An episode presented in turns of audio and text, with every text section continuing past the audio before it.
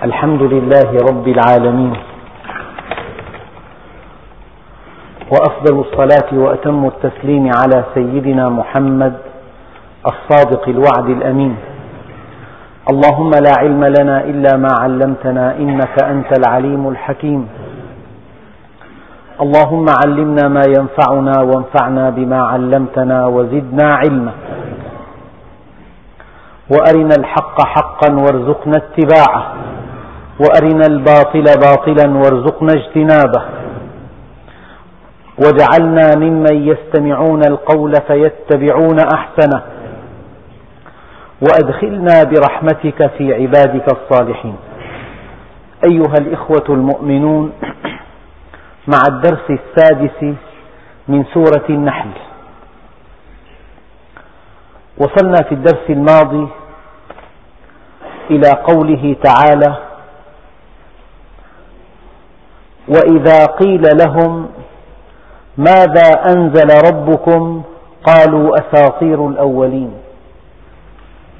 ليحملوا أوزارهم كاملة يوم القيامة ومن أوزار الذين يضلونهم بغير علم ألا ساء ما يزرون هؤلاء الكفار يظنون أن الدين خرافة وأن الدين سلوك الأقدمين وأنه تعبير عن ضعف الإنسان أمام قوى الطبيعة وأنه طقوس لا معنى لها وأنه غيبيات وأنه حجر عثرة في سبيل تقدم الإنسان. والكفار هم الكفار. في كل زمان ومكان. لذلك قال الله سبحانه وتعالى وإذا قيل لهم ماذا أنزل ربكم قالوا أساطير الأولين. هؤلاء حينما كفروا أي أعرضوا عن الله سبحانه وتعالى. هم بشر زودهم الله بالشهوات.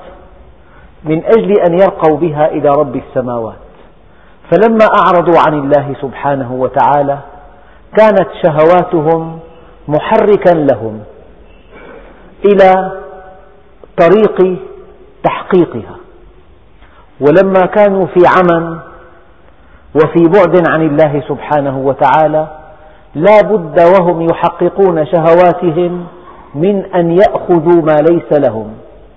من أن يعتدوا, يعتدوا على غيرهم.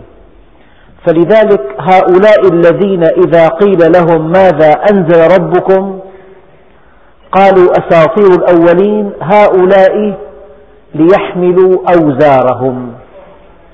فصار ارتكاب الإثم وتحمل الوزر شيء ملازم للكفر. أرأيت الذي يكذب بالدين؟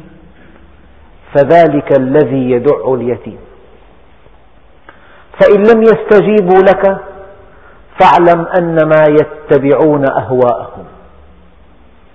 هناك تلازم عجيب بين الذي ينكر الدين كنظام إلهي أنزله الله سبحانه وتعالى ليسعد الناس جميعا في الدنيا والآخرة بين من ينكر هذا النظام الإلهي وبين من يسيء إلى الناس. لن تجد إنسانا واحدا أعرض عن الله سبحانه وتعالى وله عمل طيب له عمل سيء يفرق بين الناس يقيم العداوة فيما بينهم يستعلي عليهم يأخذ ما ليس له يعتدي على أموالهم. يعتدي على أعراضهم. هذه صفات الكافر بل إنها من لوازم الكفر. هذا الكلام كلام الله سبحانه وتعالى. أينما ذهبت حيثما حللت أينما اتجهت الناس رجلان. بر تقي كريم على الله وفاجر شقي هين على الله. كل تقسيمات البشر تقسيمات ما أنزل الله بها من سلطان. أبناء الريف وأبناء المدينة. تقسيم باطل. أي مخلوق تعرف إلى الله سبحانه وتعالى؟ تشرف قلبه بهذه المعرفة. الأغنياء والفقراء تقسيم باطل. الأقوياء والضعفاء تقسيم باطل. العرق الآري والعرق السامي تقسيم باطل. كلكم لآدم وآدم من تراب. الخلق كلهم عيال الله وأحبهم إلى الله أنفعهم لعياله. أنا جد كل تقي ولو كان عبدا حبشيا. سلمان منا آل البيت تبت يدا أبي لهب وتب من قريش. هذا كله يؤكد قوله تعالى يا أيها الناس إنا خلقناكم من ذكر وأنثى وجعلناكم شعوبا وقبائل لتعارفوا. إن أكرمكم عند الله أتقاكم. لا فضل لعربي على أعجمي إلا بالتقوى. هذا هو الإسلام. الناس سواسية كأسنان المشط. أحد أصحاب رسول الله في ساعة غضب. توجه لسيدنا بلال وكيف غلبت نفسه؟ فقال له يا ابن السوداء فما زال النبي صلى الله عليه وسلم معرضا عنه قائلا له إنك امرؤ فيك جاهلية ليس منا من دعا إلى عصبية. ولا من قاتل على عصبية ولا من قتل على عصبية. هذا هو سر الإسلام. هذا هو من عظمة الإسلام. سيدنا أبو بكر رضي الله عنه ذهب ليشتري بلالا وينقذه, وينقذه من تعذيب سيده أمية بن خلف. قال سيده لأبي بكر رضي الله عنه. والله لو دفعت فيه درهما واحدا لبعتكه لهوانه على سيده. فما كان من أبي بكر رضي الله عنه إلا أن قال لأمية بن خلف والله لو طلبت به مئة ألف درهم لأعطيتكها فلما أخذه وضع يده في يد إبطه تحت إبطه تأكيدا للأخوة في الإسلام. لذلك كان أصحاب النبي صلى الله عليه وسلم إذا ذكروا أبا بكر رضي الله عنه قالوا هو سيدنا وأعتق سيدنا يعني بلالا. وكان عمر بن الخطاب رضي الله عنه يخرج إلى ظاهر المدينة لاستقبال بلالا بلال. خليفة المسلمين يخرج إلى ظاهر المدينة ليكون في استقبال سيدنا بلال. بلال وصهيب يدخلان ويخرجان بلا استئذان على سيدنا عمر. جاء أبو سفيان وقف ببابه ساعات طويلة فلم يؤذن له. فلما دخل عليه عاتبه قال أبو سفيان سيد قريش يقف ببابك ساعات طويلة وصهيب وبلال يدخلان ويخرجان بلا استئذان. قال يا أبا سفيان أنت مثلهما؟ أين الثرى من الثريا؟ أين أنت وأين هم؟ هذا هو الإسلام. إذا شعرت كأنك فوق الناس فلست مسلما.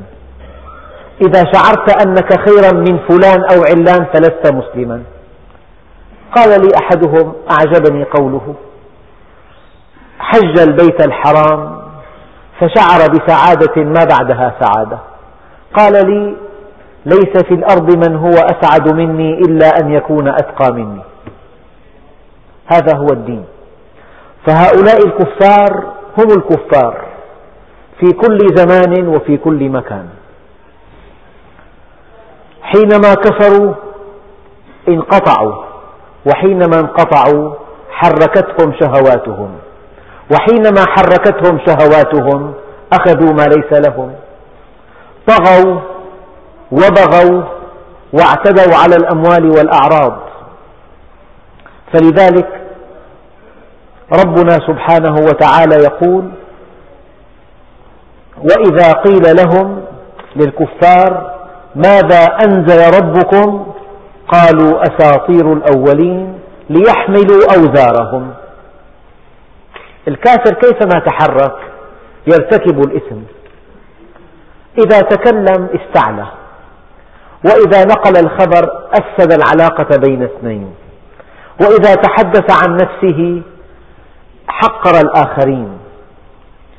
هذه كلها أوزار ليحملوا أوزارهم كاملة.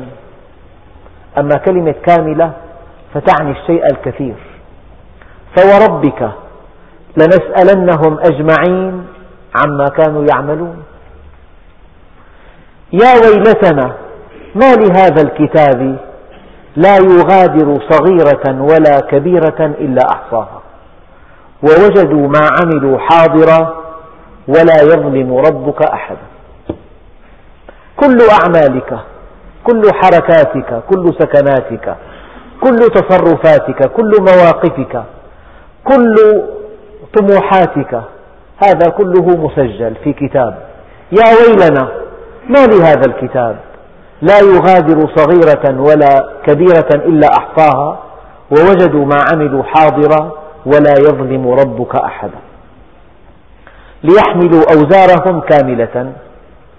الحساب هو الحساب. لو أن لك حسابا عند بائع. يسجل كل شيء حتى ثمن الشمعة. لك شمعة 30 قرش. يأخذ منك مئة ألف. هكذا الحساب. الحساب فيه تسجيل لكل شيء. ليحملوا أوزارهم كاملة يوم القيامة. لذلك سيدنا النبي عليه الصلاة والسلام قال يا أبا ذر جددي السفينة. فإن البحر عميق. وأكثر الزاد. فإن السفر بعيد. وخفف الأثقال. فإن في الطريق عقبة كؤود. لا يجتازها إلا المخفون. وأخلص النية. فالناقد بصير. ليحملوا أوزارهم. كاملة يوم القيامة. إذا جمعت بين اثنين على معصية هذا وزر. إذا اغتبت أيحب أحدكم أن يأكل لحم أخيه ميتا فكرهتموه؟ الغيبة وزر. النميمة وزر. الكذب وزر. التنابذ بالألقاب وزر. ولا تجسسوا. تقصي الأخبار السيئة وزر. أوزار اللسان لا تعد ولا تحصى. لا يستقيم إيمان العبد حتى يستقيم قلبه ولا يستقيم قلبه حتى يستقيم لسانه. أو نؤاخذ بما نقول؟ قال ويحك يا سعد وهل يكب الناس في النار على مناخرهم إلا حصائد ألسنتهم؟ ما تقول؟ بقي العين العين تزني وزناها, وزناها النظر. واللسان يزني واليد تزني ليحملوا أوزارهم كاملة. تدخل على دكانه امرأة يتأمل محاسنها يصافحها يدير معها حديثا لطيفا. هذا كله آثام ليحملوا أوزارهم كاملة يوم القيامة. يبيع ويشتري. يخفي العيب ليحملوا أوزارهم كاملة يوم القيامة. يبيع البضاعة نسيئة فيزيد في الثمن ليحملوا أوزارهم كاملة يوم القيامة. يقيم وليمة فيها رجال ونساء ليحملوا أوزارهم كاملة يوم القيامة. يذهب إلى بلد أجنبي فيرخي الحبل ويعطي لنفسه العنان ليحملوا أوزارهم كاملة يوم القيامة. يستمع إلى صوت قينة فيصب الآنك فيها يوم القيامة. فقيل يا رسول الله وما الآنك؟ قال الرصاص المذاب. يملأ عينيه من الحرام فيملأه فيملأهما الله من جمر جهنم ليحملوا أوزارهم كاملة يوم القيامة. يرسل ابنه إلى بلد أجنبي ليتعلم اللغة الأجنبية. فيعود ابنه زانيا ليحملوا أوزارهم كاملة يوم القيامة. يقول هذا الابن يا رب لا أدخل النار حتى تدخل أبي قبلي. ليحملوا أوزارهم كاملة يوم القيامة. يزوج ابنته من رجل غني طمعا بماله ومركبته وجاهه. فيطلق هذا الزوج للزوجة العنان تفعل ما تشاء. تختلط مع الرجال تترك الصلاة وهو يظن أن بهذا الزوج قد حصل عزا ومالا وفيرا. ليحملوا أوزارهم كاملة يوم القيامة. ما أكثر المعاصي؟ في البيع والشراء آلاف المعاصي. آلاف. في سيرك في الطريق مئات. إذا دخلت البيت وأدرت جهاز اللهو على شيء يغضب الله ورسوله وقعت في المعاصي لكن الآية فيها ما يقسم الظهر. ليحملوا أوزارهم كاملة يوم القيامة ومن أوزار الذين يضلونهم بغير علم. إذا استمتعت أنت ببرنامج يغضب الله ورسوله وشاهد هذا البرنامج ابنك وابنتك الشابان وانحرفا انحرافا لم تعلم به ليحملوا أوزارهم كاملة يوم القيامة ومن أوزار الذين يضلونهم. لكن كلمة بغير علم تأخذ بالألباب. هذا الذي يضل بغير علم يظن أن هذا حضارة. هذا شيء عصري لا ينبغي أن نحرم منه. يضل الناس وهو يحسب أنه ينفعهم. يؤذيهم في أخلاقهم وهو يظن أنه ينفعهم. يحبب إليهم الدنيا وهو يظن أنه يخدمهم بغير علم. هذا الذي يضل بغير علم وهذا الذي يضل بغير علم. ولا جهل في القانون. مبدأ عام في القضاء. لا جهل في القانون كذلك لا جهل عند الله. فالإنسان إذا جهل يحاسب على جهله. لم لم تتقصى الحقائق لم لم تتبع سبيل من أناب إلي لم اتبعت سبيل أهل الدنيا؟ لم صدقتهم؟ لم عطلت فكرك؟ لم لم تقرأ القرآن؟ لم لم تحضر مجالس العلم؟ لماذا بقيت جاهلا؟ لماذا اتبعت هواك؟ لماذا استمعت إلى وسواس الشيطان؟ ليحملوا أوزارهم كاملة يوم القيامة ومن أوزار الذين يضلونهم. من سن سنة سيئة فعليه وزرها ووزر من عمل بها إلى يوم القيامة. مبدأ المسؤولية. إنا نحن نحيي الموتى ونكتب ما قدموا وآثارهم. آثارهم. هذا الذي فعلته. سننت في أسرتك وأنت عميد هذه الأسرة لقاء أسبوعيا مختلطا. شيء جميل. سننت هذا اللقاء واستمر هذا اللقاء بعد وفاتك. وتابعه الأهل كان, جد كان جدنا يفعل هذا. هذا الاختلاط إلى يوم القيامة. ما الذي نتج منه؟ من اشتهاء من زنا النظر من طلاق زوجة. هذا الاختلاط الذي سننته في أسرتك سوف تتحمل تبعاته إلى يوم القيامة. من سن سنة سيئة فعليه وزرها ووزر من عمل بها إلى يوم القيامة ليحملوا أوزارهم كاملة ومن أوزار الذين يضلونهم بغير علم. أما هون السؤال لم لم يقل الله سبحانه وتعالى ليحملوا أوزارهم كاملة يوم القيامة وأوزار قال ومن أوزاري. هذا الإنسان الآخر له معاصي هو وحده مسؤول عنها. وله معاصي كانت بسببك. فهذا الذي كنت أنت سببا في حصوله تحاسب عليه يضم إلى أوزارك. فكل وزر يقع فيه إنسان آخر فعله بسببك بتشجيعك بدلالتك بتوجيهك برضائك بسكوتك فهو يكتب على فاعل الوزر ويكتب ثانية في صحيفتك. فليحملوا أوزارهم كاملة يوم القيامة ومن أوزار الذين يضلونهم بغير علم. أما قد يكون الإنسان ضالا وهو لا يعلم. وقد يكون وقد يقع عليه الضلال وهو لا يعلم.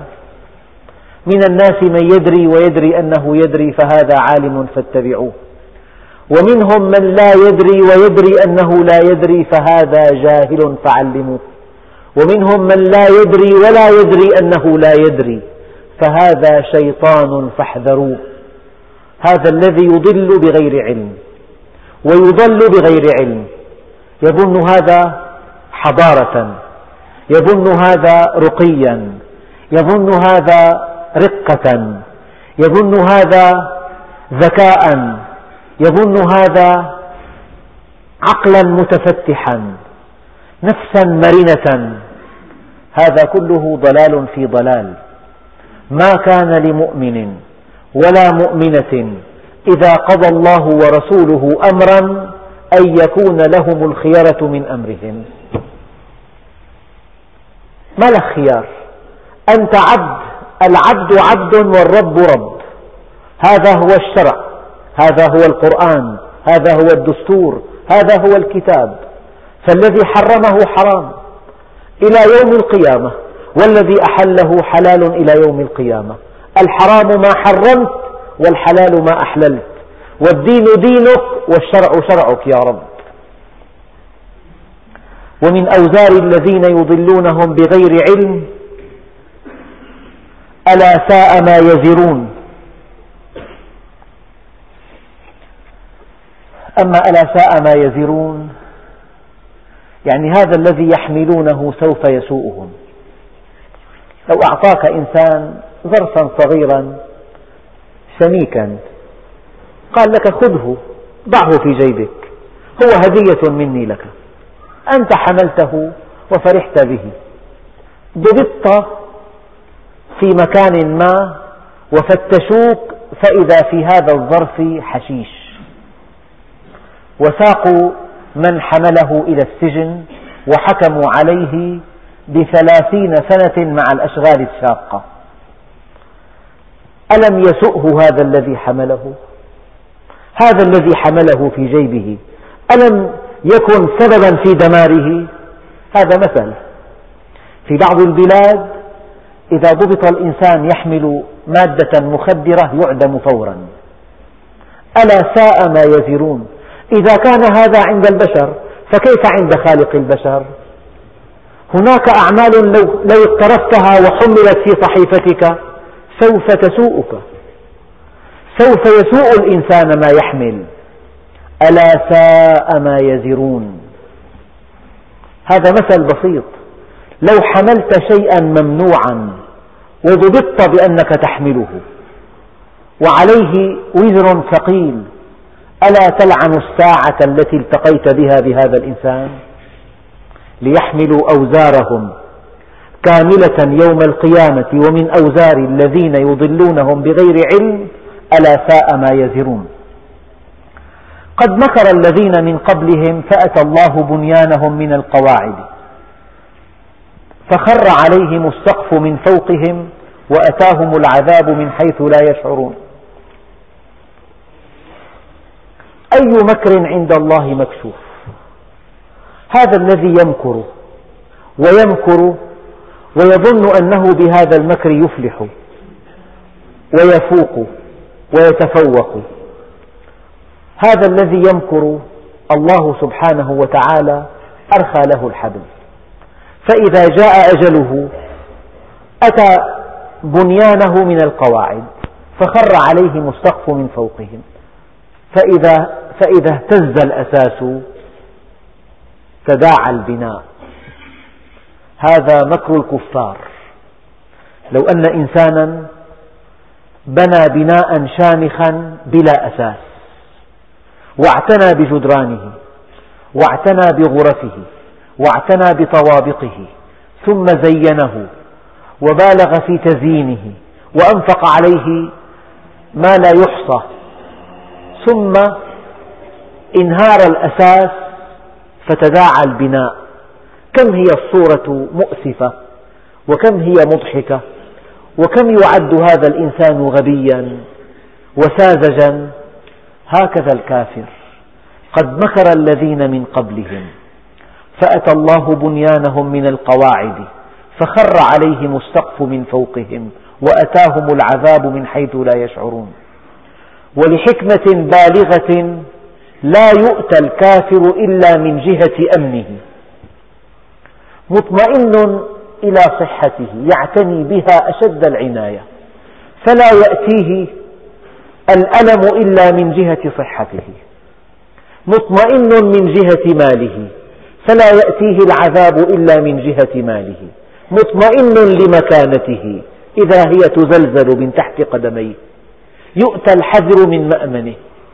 لا ينفع حذر من قدر ولكن ينفع الدعاء مما نزل ومما لم ينزل. يؤتى الحذر من مأمنه. قد يختص الطبيب باختصاص دقيق دقيق ويذهب إلى بلاد الغرب ليأخذ أعلى الشهادات في هذا الاختصاص ويعود ويعتني بصحته إلى أقصى الحدود. فإذا كان غافلا عن الله سبحانه وتعالى لا يصاب إلا بمرض من اختصاصه من اختصاصه. عندئذ تنهار قواه. يؤتى الحذر من مأمنه. يعني أية جهة أنت مطمئن لها؟ مستغن بها عن الله سبحانه وتعالى تتكل عليها تراها قوة لك لا يأتيك الدمار إلا من هذه الجهة. فأتى الله بنيانهم من القواعد.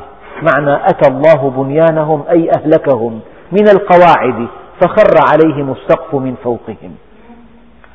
يعني البناء لو ذهبت لتكسر السقف لطال بك الوقت لكنهم إذا أرادوا هدم بناء زعزعوا دعائمه فيخر السقف من فوق.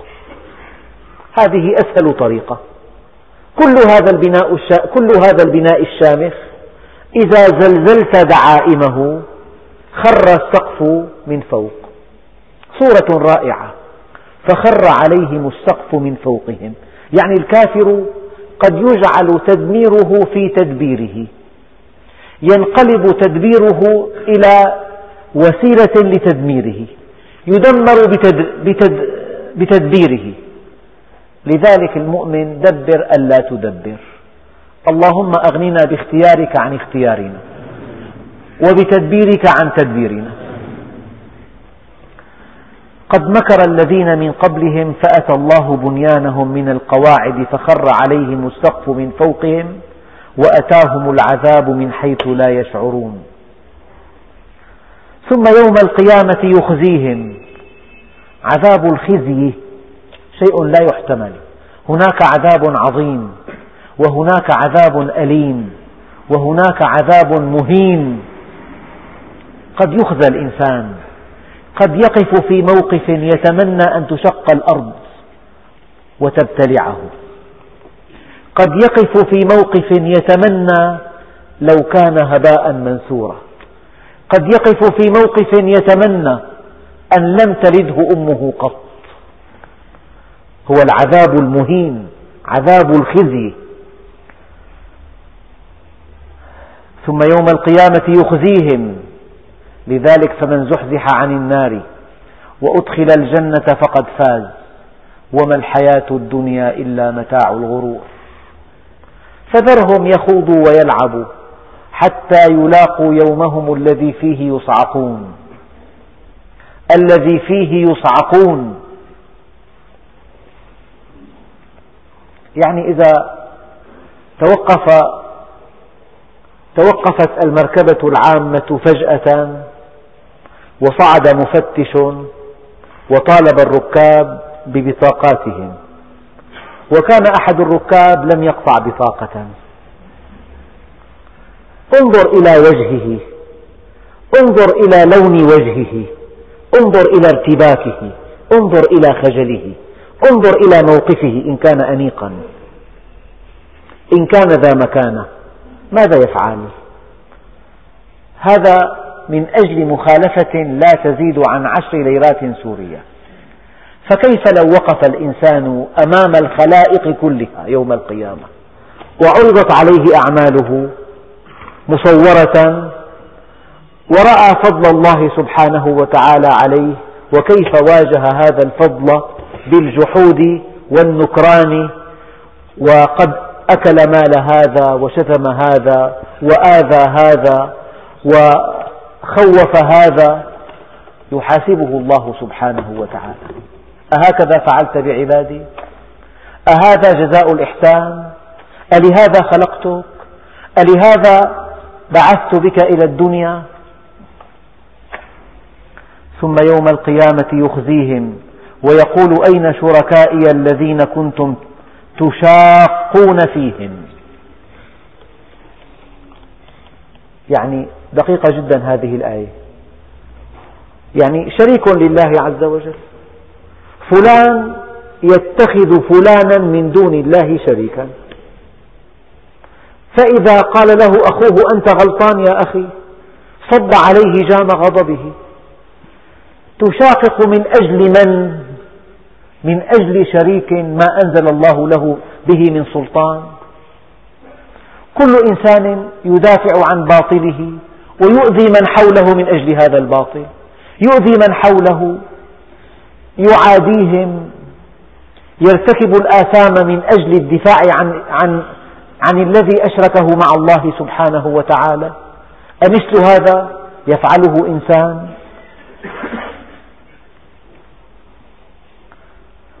ويقول أين شركائي الذين كنتم تشاقون فيهم؟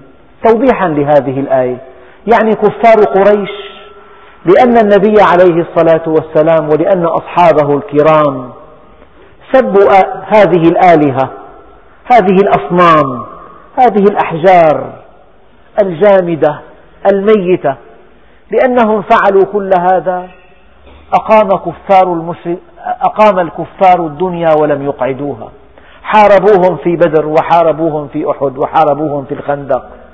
وقاتلوهم وأخرجوهم وهم أقرباؤهم وأبناء جلدتهم ومن أرحامهم شاققوا الناس من أجل الشركاء أيعقل هذا؟ كفار مكة لماذا عادوا النبي عليه الصلاة والسلام؟ لماذا أخرجوا أصحابه؟ لماذا قاطعوهم؟ لماذا مكروا لهم؟ لماذا أخرجوهم؟ لأنهم سبوا آلهتهم وعابوا دينهم أتمتلئ غيظا من أجل شريك ما أنزل الله به من سلطان؟ هكذا يكون.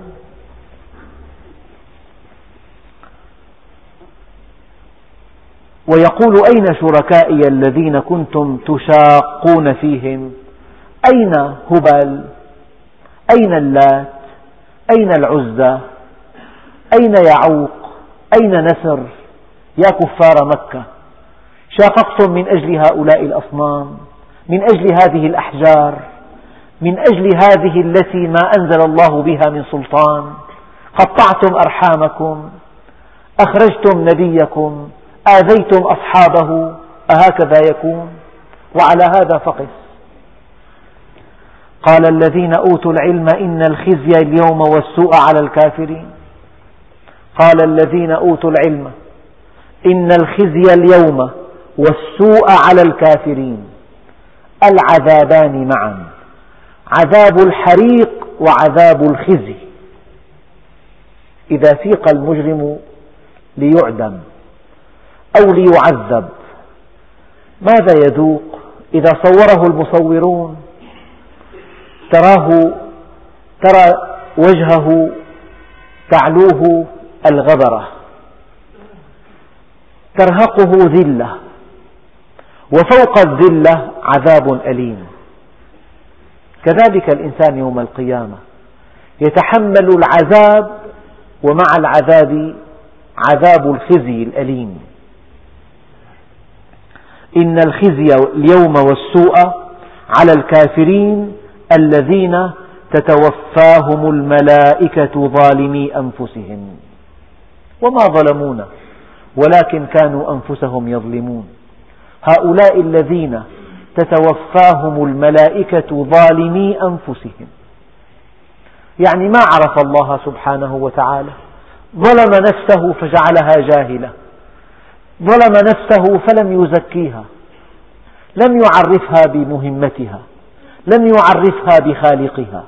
لم يعرفها بطريقها إلى الجنة. لم يحضر مجالس العلم. ما قرأ القرآن. ما سأل أين كان. ولا أين سيكون؟ ما التفت إلى خالق الأكوان؟ التهى بالدرهم والدينار. انغمس في الشهوات قاتل هذا وسب هذا وأكل مال هذا حتى جاءه الموت. الذين تتوفاهم الملائكة ظالمي أنفسهم. النبي عليه الصلاة والسلام سمع أحد أصحابه وقد بلغه نبأ وفاة أحد الأشخاص سمع أحد أصحابه يقول لقد استراح فلان فقد فغضب النبي صلى الله عليه وسلم. قال ومن أدراك أنه استراح؟ من أدراك؟ إنما يستريح من غفر له. هذا الذي هذا العالم الجليل الذي كان يركب فرسا في العهود الغابرة وعليه ثياب جميلة جدا وحوله بعض تلامذته يحفون به ويكرمونه.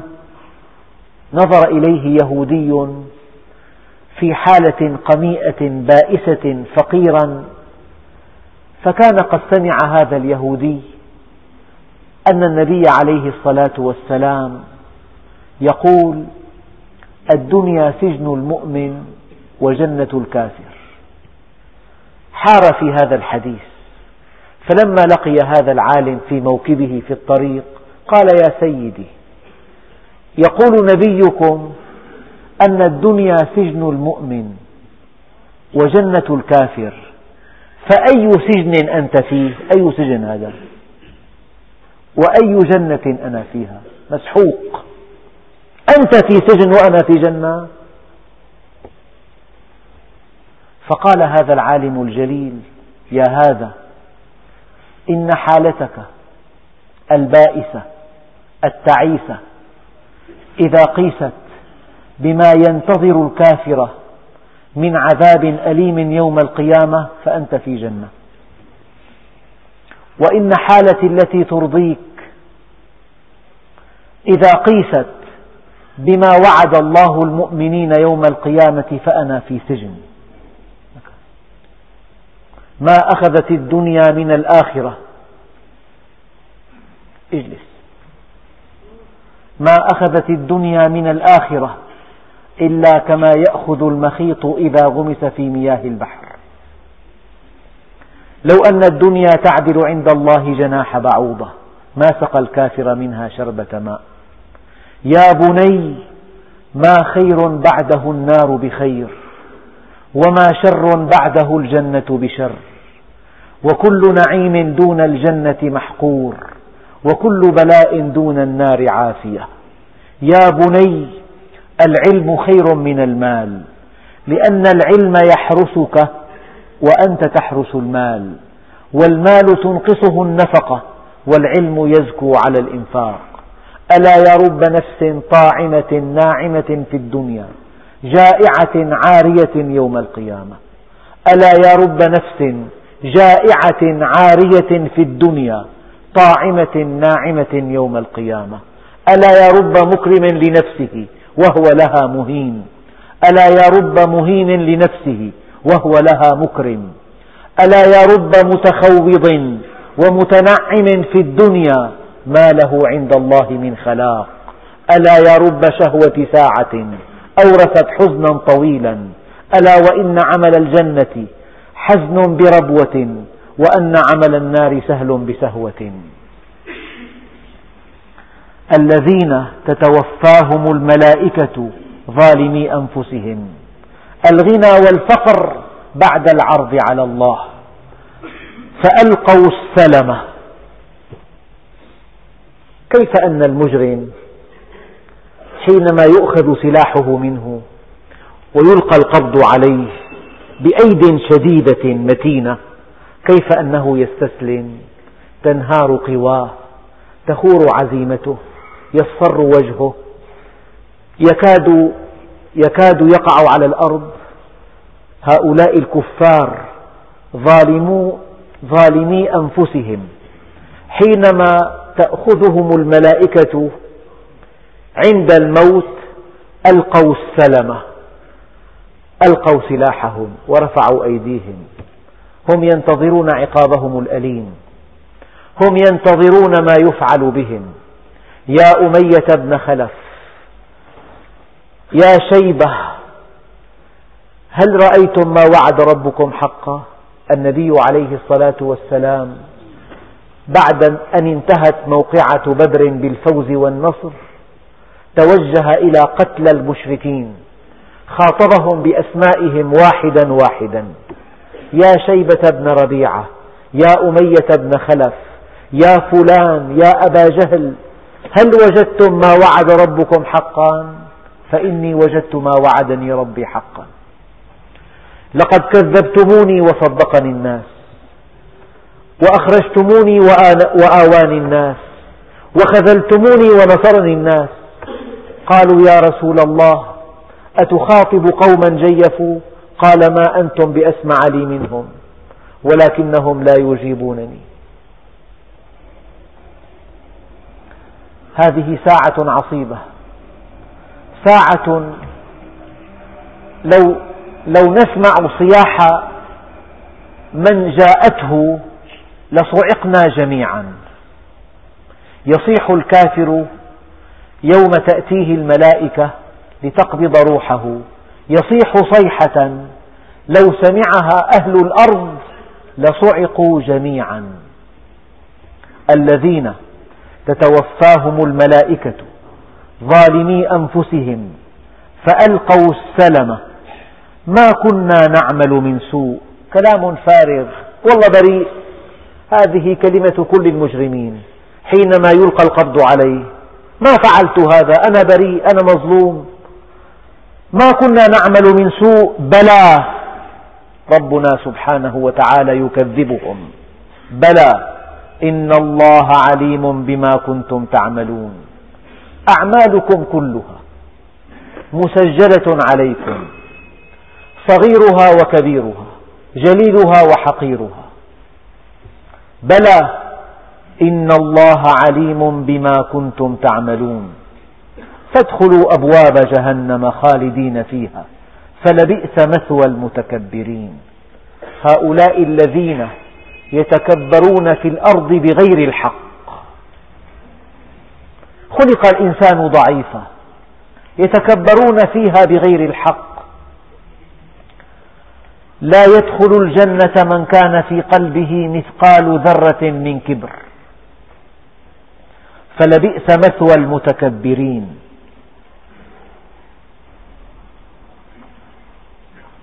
هذا هذا هو المثوى الأخير. فلذلك ليس من يقطع طرقا بطلا إنما من يتقي الله البطل. إذا كنت بطلا حقا تأتي يوم القيامة ناصع الجبين أبيض الوجه صادق القول طيب القلب سليم القلب. هذه البطولة. أما حصلت المال الفلاني عمرت هذا البيت أنشأت هذا المعمل أقمت هذه المزرعة أملك كذا وكذا عندي من المال ما لا تأكله النيران فعلت كذا وكذا سافرت إلى كذا وكذا أكلت كذا وكذا. هذا لا ينفعك عند الموت. إلا من أتى الله بقلب سليم. فلبئس مثوى المتكبرين. تلك الدار الآخرة نجعلها للذين لا يريدون علوا في الأرض ولا فسادا. لا علوا ولا فسادا. والعاقبة للمتقين. لو لم يكن في كتاب الله إلا هذه الآية لكفت. والعاقبة للمتقين. العاقبة للمتقي للمستقيم للمؤمن للذي يخاف الله سبحانه وتعالى للذي يرجو الله واليوم الآخر. العاقبة له الفوز له النجاح له الفلاح له الجنة له. الذين تتوفاهم الملائكة ظالمي أنفسهم فألقوا السلم ما كنا نعمل من سوء بلى إن الله عليم بما كنتم تعملون. النبي عليه الصلاة والسلام قال بادروا بالأعمال الصالحة هل تنتظرون إلا فقرا منسيا أو غنى مطغيا أو مرضا مفسدا أو هرما مفندا أو موتا مجهزا أو الدجال فشر غائب ينتظر أو الساعة والساعة أدهى وأمر. يعني لو أن الإنسان سهى ولهى عن الله سبحانه وتعالى غفل عنه وانكب على الدنيا لا بد من يوم يستيقظ فيه على خبر مؤلم إن في صحته أو في ماله أو في أولاده. أو في زوجته أو في حريته. لا بد من خبر مؤلم. أما إذا عرفت الله سبحانه وتعالى قل لن يصيبنا إلا ما كتب الله لنا. من خير إلى آخر ومن رقي إلى رقي ومن سعادة إلى أعلى ومن عقل إلى أوسع. لا بد من التطور نحو الأعلى في عقلك ومعرفتك وحالك النفسي ومكانتك وحبك وإقبالك وصلاتك وعبادتك. كلما زدت في العمر يوما زدت قربا وزدت مكانة وزدت حصافة وزدت عقلا. يقابل هذا أن أهل الدنيا لا بد من أن تأتيهم الأخبار المفجعة. لا بد من أن يصعقوا قبل أن يموتوا. لا بد من أن يقسمهم الله سبحانه وتعالى. لا بد من أن يفجعهم الذين تتوفاهم الملائكة ظالمي أنفسهم. بادروا بالأعمال الصالحة. فماذا ينتظر أحدكم من الدنيا؟ هل تنتظرون إلا فقرا منسيا فقر مفاجئ أو غنى مطغيا؟ يخرج صاحبه من الاستقامة. أو مرضا مفسدا يفسد على الإنسان حياته. أو هرما مفندا يصبح أضحوكة بين أقربائه. يخرف. أو موتا مفاجئا موتا مجهزا أو الدجال فشر غائب ينتظر. أو الساعة والساعة أدهى وأمر. إذا كنت تحب نفسك. إذا كنت مفرطا في حب نفسك فانتبه لهذه الحقائق. القرآن الكريم يحذرك مما سيكون. أما القسم الآخر من الآيات وقيل للذين اتقوا ماذا أنزل ربكم قالوا خيرا. للذين أحسنوا هذه الدنيا حسنة ولدار الآخرة خير. ولنعم دار المتقين. جنات عدن يدخلونها تجري من تحتها الأنهار. لهم فيها ما يشاءون كذلك يجزي الله المتقين. الذين تتوفاهم الملائكة طيبين يقولون سلام عليكم. ادخلوا الجنة بما كنتم تعملون. هل ينظرون إلا أن تأتيهم الملائكة؟ أو يأتي أمر ربك كذلك فعل الذين من قبلهم وما ظلمهم الله ولكن كانوا أنفسهم يظلمون. وستشرح هذه الآيات إن شاء الله في الدرس القادم. والحمد لله رب العالمين.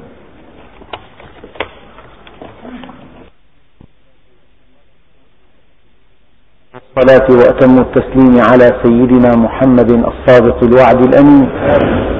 اللهم اجعل جمعنا هذا جمعا مباركا مرحوما واجعل تفرقنا من بعده تفرقا معصوما ولا تجعل فينا ولا منا ولا معنا شقيا ولا محروما. اللهم كما هديتنا للإسلام فثبتنا عليه اللهم ألزمنا سبيل الاستقامة لا نحيد عنها أبدا واهدنا لصالح الأعمال لا يهدي لصالحها إلا أنت. وصلى الله على سيدنا محمد وعلى آله وصحبه وسلم والحمد لله رب العالمين الفاتحة